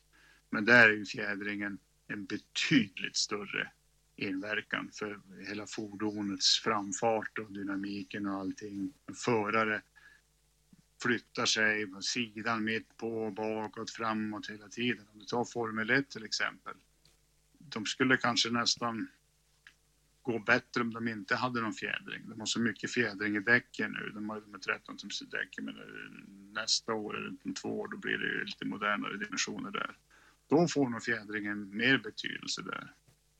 Men de kanske har 8 till 12 millimeter fjädringsväg bak som de använder på stötdämparna och 68 millimeter fram på en F1. Det är ju inte så mycket, eller hur? Nej. Nej, det är inte mycket alls. Och fjädringsvägen på, i, i, på era dämpare och gafflar i MotoGP, vad ligger det på ungefär?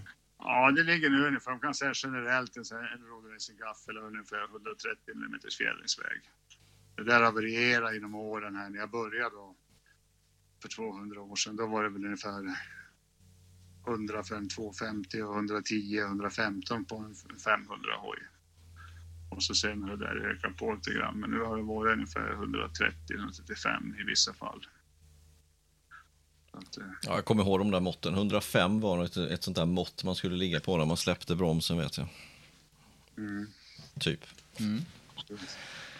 Ja, jag har lite fundering också på hur, hur går det dagliga arbetet till för er? Ni har alltså en Öhlins-tekniker per förare, har jag förstått det som, Ja. i MotoGP. Hur, eh, kan du inte berätta lite om vad, vad de gör och hur arbetet går till i boxen? Själva, själva, själva idén med det där, det är ju att, om vi- om vi tar det riktigt från början, det är att vi tillhandahåller, vi gör ju då specialanpassad fjädring till de här, de här kunderna, i MotoGP till exempel.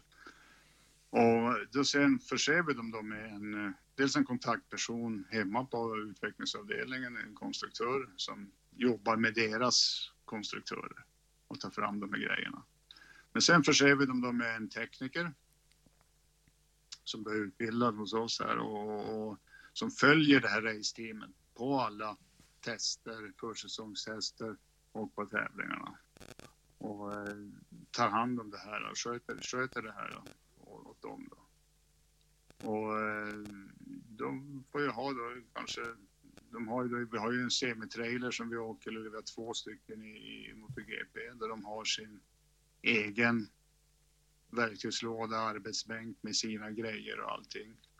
Och så sen har de även då en liten, i, i, i depåboxen och så har vi ett mindre ja, arbetsbänk med lite för snabbare, enklare syften, byta fjäder, oljenivå och så här. Men det är direkt ingenting att vi håller på och skruvar i och tar isär fjädringen och ändrar någonting i, i, i boxen. Du hade några mer frågor där, Andreas? Vad var det? Du...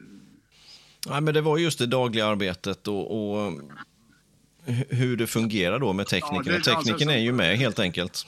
en typisk racehelg fungerar ju så här att det strömmar in hela min främlingslegion som är 11 nationaliteter tror jag. Möter upp någorlunda i sam, samma tid så här av tre, fyra killar i stöten på någon flygplats någonstans runt om i världen här. En onsdag, onsdag förmiddag, onsdag eftermiddag. Så åker man till banan, kollar in läget där, hjälper till och ställer upp trailern och fixar i ordning. På torsdag så äh, träffas vi alltid då klockan åtta. Klockan nio så har jag möte med killarna. Om det har kommit några nya produkter eller nya rön, vad som har hänt på firman och ja, litet informationstal, som, snack som vi har. Eller om vi har något problem så förvänta oss den här, den, här, den här helgen på den här tävlingen, vart vi nu kan vara. Och eh, efter det så, så går teknikerna till sina team. Och eh, ofta har de möte då under torsdagen och bestämmer vad det ska vara för strategi för fjädringsupplägget vad de hade för problem förra året eller om man testade för två veckor sedan. Och så preparerar han fjädringen, servar upp om det behövs, ändrar inställningar om det behövs. Och kanske om det, man har tittat på vädret och man misstänker att det kan vara regn så kanske det ska prepareras ett, ett regnsetup och ha på söndagen redan att stoppa i. Eh, fredag så smäller det igång då med träningarna och då står de där. Efter träningar är det alltid en liten debrief, ett kort möte eh, på förmiddagen och eftermiddagen och så på kvällarna så kan det vara ett längre möte där och då de flesta däckkillarna är inkopplade och däckanalyserna, ingenjörerna och ibland kan till och med Gud förbjude förarna också vara med. De ska inte röra sig där helst eller? Ah, då, det, det. Ja, ja, de tar, tar, bort så mycket, de krånglar till det så mycket, de kan inte hålla sig till sak så här. Så det till fakta. Väldigt, väldigt långa utläggningar där, så alla sitter och suckar så här. Det är sådär, det, det, föraren går på känsla, tekniken går på fakta. Ja, precis. Ja. precis. Ja, någonstans däremellan måste man mötas förstås, helt klart. Ja, exakt. exakt. Men delas det mycket data då mellan, eh, eftersom ni nu är involverade i, i, i så stor Ja, del? men det, det, det, det, det, det är som är själva grejen alltså. Att i och med att vi sitter på all, all information förutom KTM då, så är det ju av yttersta vikt att vi verkligen är, eh, håller på vår integritet, behandlar kunderna med den, eh, vad heter ordet, eh, diskretion är, vad kallas det, när man, ja, att man inte sprider Tystnadsplikt. information eller med tystnadsplikt eller sånt där, att man, man respekterar det. Så att Honda, the mighty big red machine så att säga, utan problem delger oss chassiinformation eller andra grejer vi behöver så här. Och dit har vi kommit och dit kan man bara komma om man då har jobbat och visat sig god och ärlig, hur ska jag uttrycka mig så här, och att man levererar och håller vad man, man, man lovar. Då vinner man deras tillit så att säga och då kommer det här. Då. För det måste ju vara, det, det, det måste ju vara svårt helt enkelt Ja. i eran, ert läge när ni har tekniker hos varje förare och sen hitta ett märke, någonting extra, då går det inte att den tekniken Ja. sprider den informationen till en annan tekniker, även fast de är kompisar. De, där får man ju skriva på tystnadsplikt och IP-rättigheter och, och, och sådana klausuler. Och det är de rätt så duktiga på grabbarna. Naturligtvis pratar de med varandra.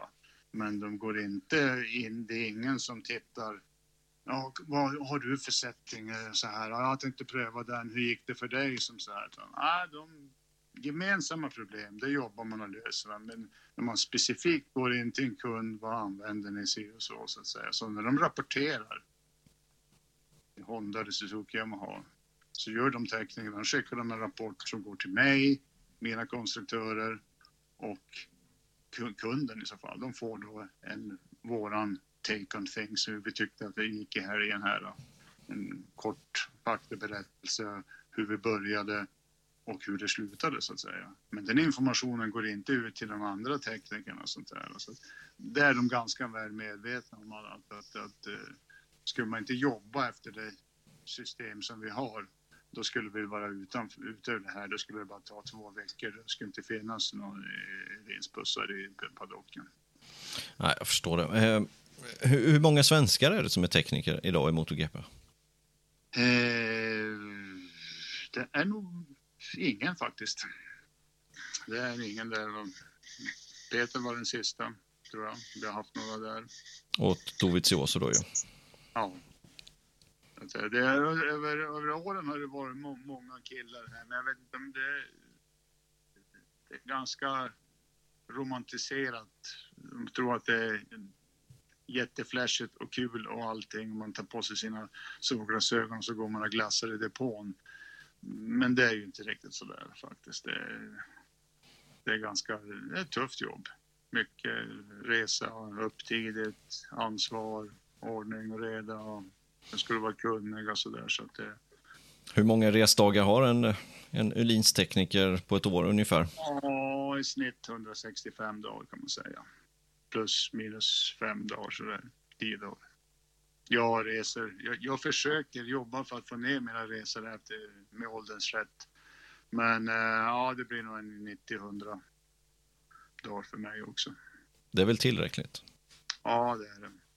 Det är svårt att få de här nya unga killarna. De, de, de tycker det är jobbigt. Det är Men du, med ålderns rätt säger det här, med, med alla år du har varit på Öhlins och varit på resande fot här, är det några speciella minnen som har varit, ja, det är klart att det är många speciella minnen, men är det något speciellt du vill, skulle kunna dela? Ja, det beror på så här. Är det, ska vi prata om, om, om teknik eller det lilla rock'n'roll lifestyle som man faktiskt har Ja, det, det är ju mer intressant egentligen, det sista När där. vi Kenny Roberts i en soptunna i Le Mans eller sånt är ju roligt att höra. så, så här, ja. Är det, var det mer rock'n'roll tidigare? det, det var rock'n'roll så att säga. Det, det, var ju inte, det var ju lika seriöst då egentligen som det var då, men, men, men under andra premisser. Va? Och det var ju ja, någon gång där kanske 92, 4, 5. Då blev det lite tråkigare om jag säger det på en. Det mer- blev mer professionellt, mer uppstyrt och sådär. För att det kunde ju ofta vara någon som hade vunnit till exempel. Och då var det ju kalajs i depån. Och det var mycket bus och grejer och vattenkrig och alltihop så här. Och speciellt oftast då i, om det var kanske sista racet och det var hår, hårt strid in på kniven och någon gick och vann, ja då var det ju riktigt kalas så att säga. Jag vet en gång där jag varit i, i Barcelona tror jag där och då vart jag jaga halva depån mig och så vart jag fasttejpad. Eh, eller jag vart som en mumie med, med sån här eh, silvertejp så här. Och så jag kunde röra fötterna och så tejpade de fast eh, att- attachéväskan och så fick jag liksom gå som en anka genom depån till hyrbilen som så här. Ja, det var, det var Eskil Suter och Harald Eckel som låg bakom det där. Ja. Ja, det var inte så men det är mycket annat. Men det, jag tror mycket, mycket annat också så kanske, jag tror inte vi ska ta upp det i en sån här podd så här. Nej. Käns- Känsliga öron tror jag. Vi tar det på Men- nästa men, flight det- tillsammans. Helt klart har det varit roliga grejer. Det, det är det. det, det, är det faktiskt. Du, är det några speciella, när vi är inne på det där, du, du nämner här med eh, en, en helgs arbete. Är det några banor på kalendern som är särskilt svåra för er? Är det några särskilt, eller, eller förhållanden kanske man ska säga? Du nämnde lite med regn och du längde, jag tänkte även på temperatur och sånt här. Det är ju, det är ju, vad heter det, Laguna Seca har varit knepigt. Eh, och så är det ju, vilken bana är det som har så dåligt grepp här nu då? Eh, I och för sig är det likadant för alla, men just Laguna var lite knepig där eftersom den är lite dåligt grepp och så sen har du såna här, um, vad kallar man det, Unda, un, undulations. Nivåskillnader. nivåskillnader så att du går ner över, över krönet där innan korvskruven så sjunker hojen ner och de, det bottnar ur och så här och, och så här grejer.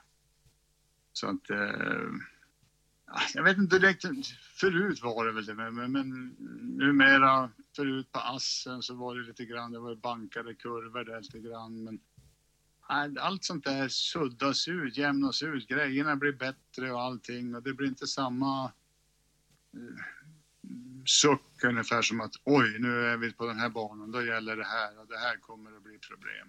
Ah, jag kan inte uppleva att det är så längre. Faktiskt. Är det så att ni på Lins har, har ni kontrakt med teamen eller har ni kontrakt med fabrikaten?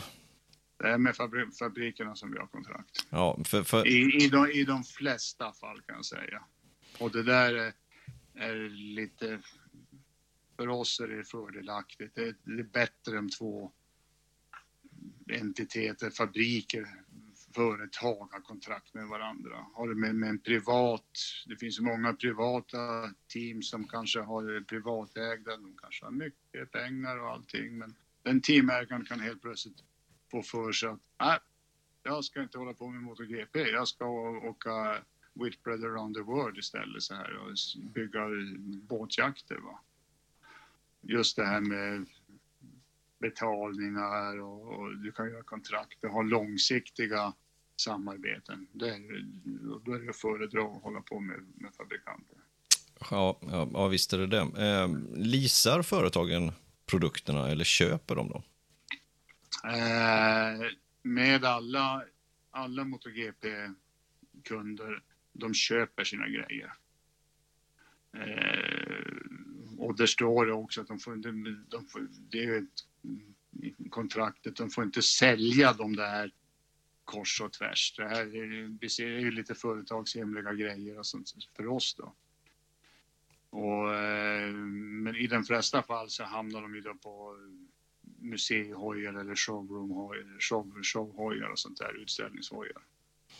Ett annat här var ju för något år sedan när Quartararo var ny i Petronas-teamet, ny i MotoGP. Då körde han på en lite enklare spes och jämförde man hans cykel mot till exempel Morbidelli då som var hans teamkompis, då hade ju Morbidelli de här ytterkolfiberrören medans Quartararo hade lite mer standardgaffeln, de här eh, guldeloxerade. Mm. Och vad jag förstår så är det, ni kan inte gå till Petrona, eller Petronas kan inte gå till er och säga vi behöver uppdatera Quattararos gaffel, utan de måste gå vägen via Yamaha, eller hur fungerar det? Både och så att säga, naturligtvis. Eh, så, så var det, för då var ju, då var ju eh, Fabio, han var ju ny, så här, han fick ju då ta en en, en fabrikshoj i, i basutförande så att säga. Med kanske våran 2018 års gaffel. Eh, med, uppbyggd av konventionella material, inga kolfiber och sådär.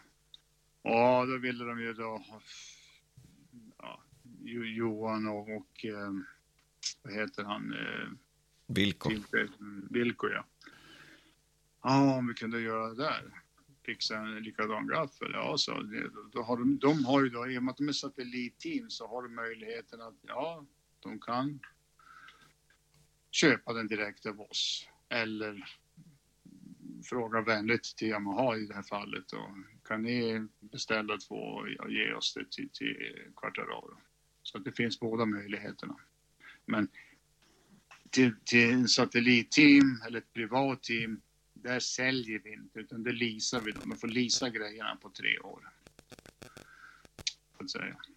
Så att, eh, då, efter det, efter leasingtiden slutet, då kommer den här produkten tillbaks till oss och så skrotas den. Just det. Är det livslängd på tre år eller uppdateras det under tiden? det, alltså livslängden, då skulle de kanske kunna klara längre livslängd. Men alltså det, grejen är ju att det kommer ju hela tiden nya grejer. De blir ju de blir ju blir gammalt. out of date. För gammalt helt enkelt.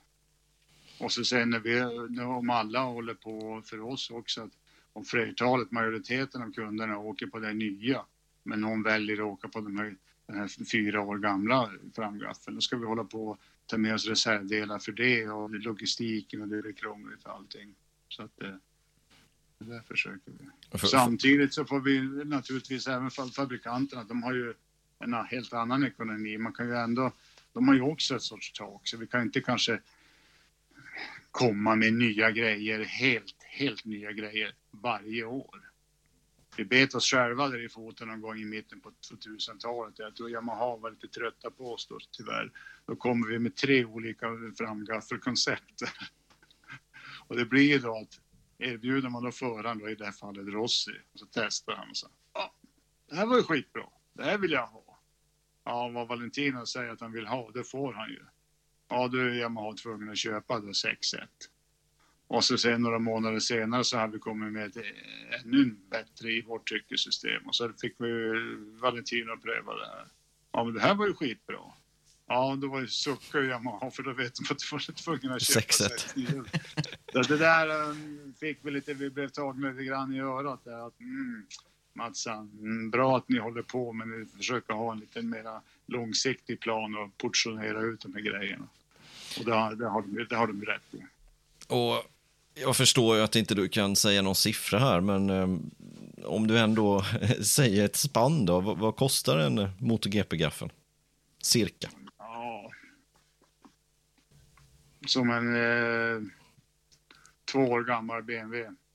325. Beroende på vart du köper den där BMWn. I delar eller? Nej, men eh, ja, det, det, det, det, ja, jag ska inte gå in i det där, men det, det är ingenting som du handlar över disk någonstans kan jag säga. I, i fallet i Superbike är det ju, det kan jag ge dig en liten, för där är det ju faktiskt pristak på grejerna. Och då har ju Finn bestämt det där, så att för en framgaffel där är det 10 000 euro, då, strax över 1000, 100 000. Och eh, stötdämpare får inte kosta mer än 6 500, 66 67 000 kronor. Det var ju billigt. Det var billigt. Bra. Ja, det köp, var... köp två. Ja, sex stycken sa du att man behövde så jag får köpa det då. en, vi var inne på stötdämpare här, eh, som kom då 19, eh, blev pop i 20. För några år sedan kom ju även de här, vi var inne på det också, de här kolfiberrören.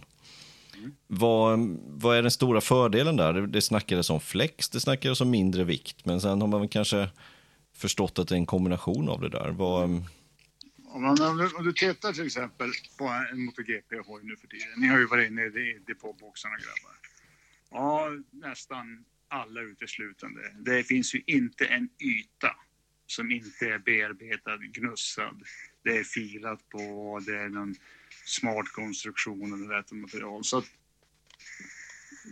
vart ska de lätta? Och så sen kommer vi göra det här, göra det här lättare. Då. Ja, och så kommer vi då och erbjuder att eh, ja, men nu kan ni få eh, ta bort ett kilo.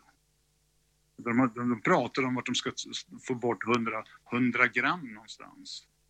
Och så kommer vi bara och erbjuder 1000 gram. Ja, då blir de ju glada och sen klappar de fenorna som sjölejon på cirkus. Och så sen eh, året efteråt, då vi kom de i innerrören också. Då blir det ju så att det är kanske total besparing på 1,7 kilo totalt.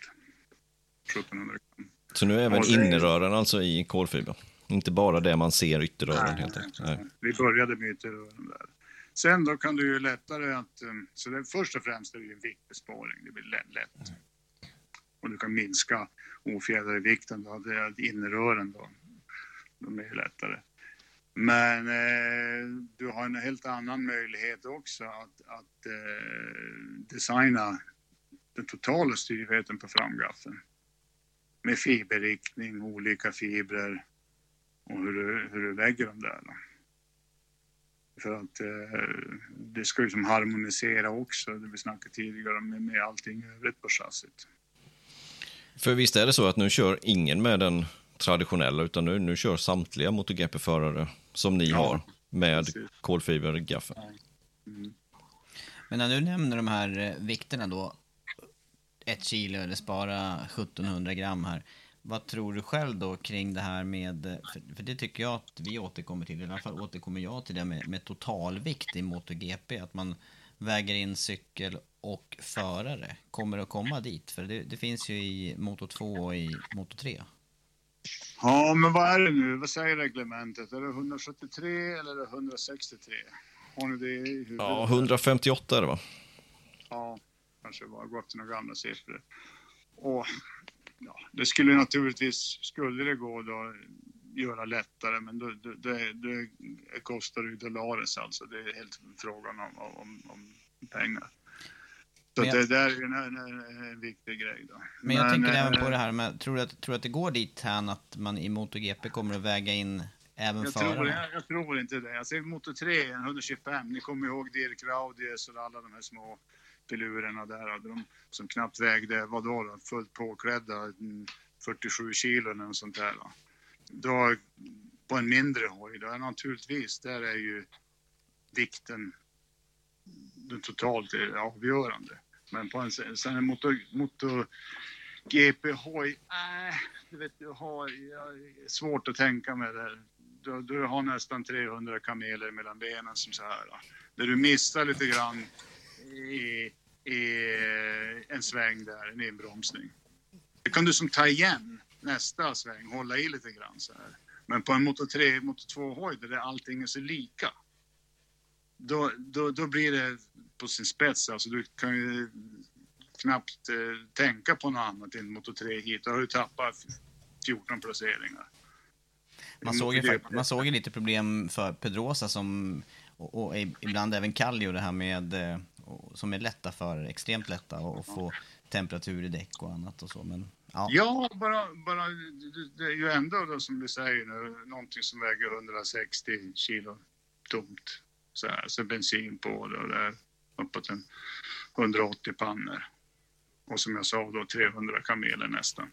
Och det, ska du bryta omkring så du kan inte vara för liten heller. Som du säger Pedrosa, det är ju svårt.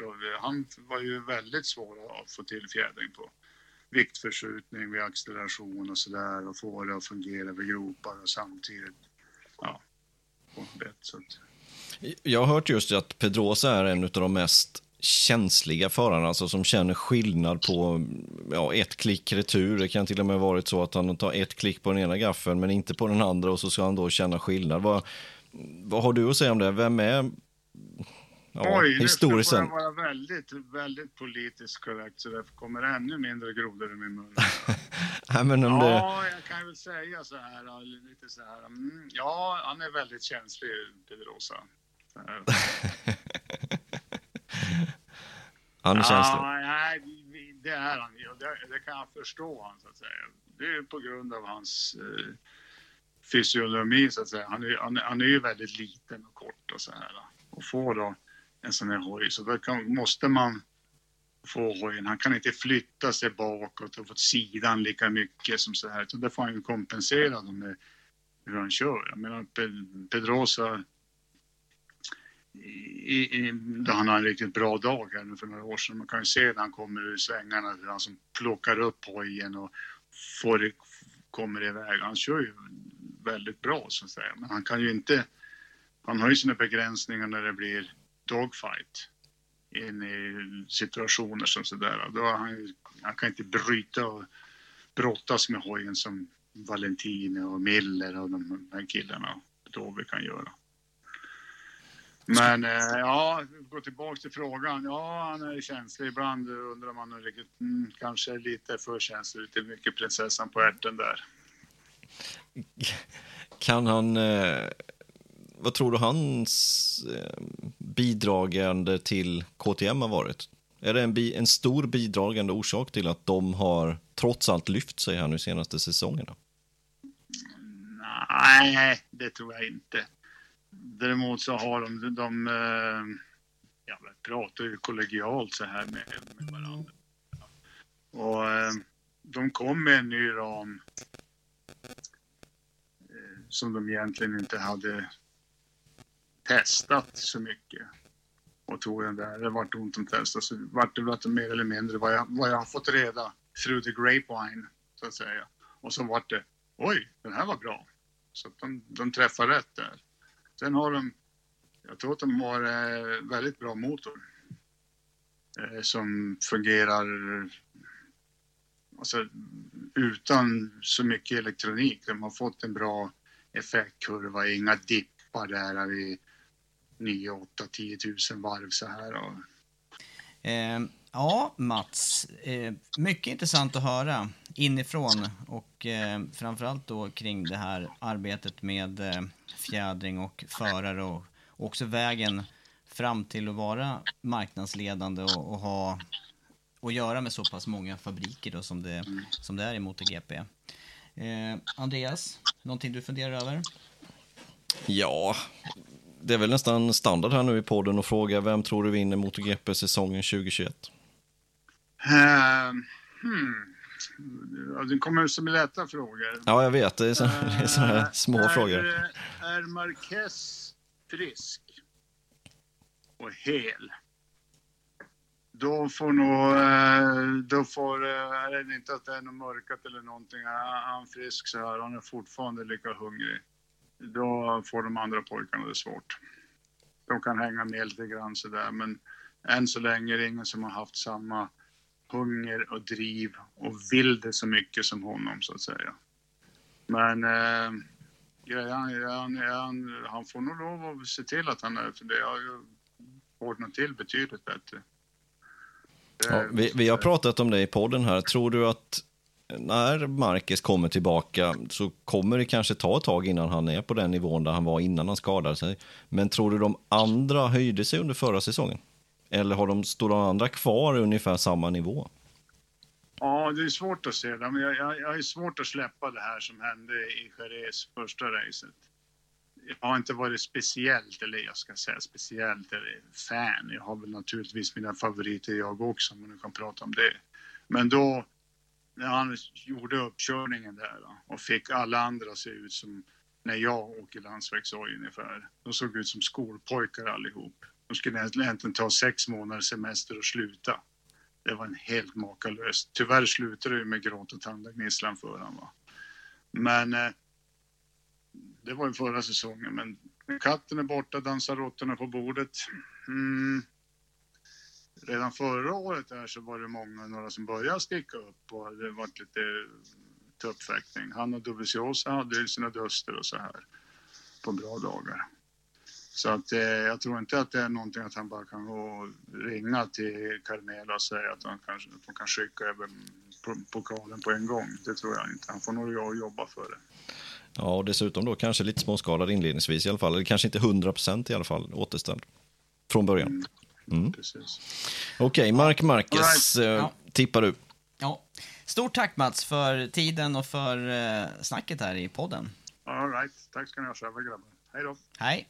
Ja, det var Mats Larsson utförligt, eh, högt och lågt om eh, fjädring, om eh, livet i depån och Andreas, några speciella saker du tänker på efter att ha hört honom berätta? Nej, men jag tycker det är kul att, att höra om sådana här lite mer aktuella saker. Det här med stötdämparen som blev poppis då när Suzuki började använda den. Eh, bland annat. Nej, men det är, det är alltid roligt att, att prata med Mats. Ja, jag håller med. Eh, matnyttigt inför säsongen här då, som eh, står och stampar och, och, har startat med tester i Qatar. Jag tycker att vi eh, avrundar denna podd och eh, ser fram emot eh, ytterligare testsnack med i nästa avsnitt. Ja, det ska vi göra, men innan det så ska vi tacka alla våra Patreons som stöttar denna podden på patreon.com snedstreck motorgp podden. Stort tack! Det gör att vi kan hålla igång podden här nu. Nu börjar du faktiskt dra igång till och med. Nu är det, jag tror det är 21 dagar, det är mitt startnummer. 21 dagar kvar till premiären. Fasen att du släppte det, att du drog det nu. Det, det kortet skulle jag spara till 21. Ja, men det, vi kommer till det. Ja, vi kommer. Det är bara 18 avsnitt kvar. Ja. Tack för idag.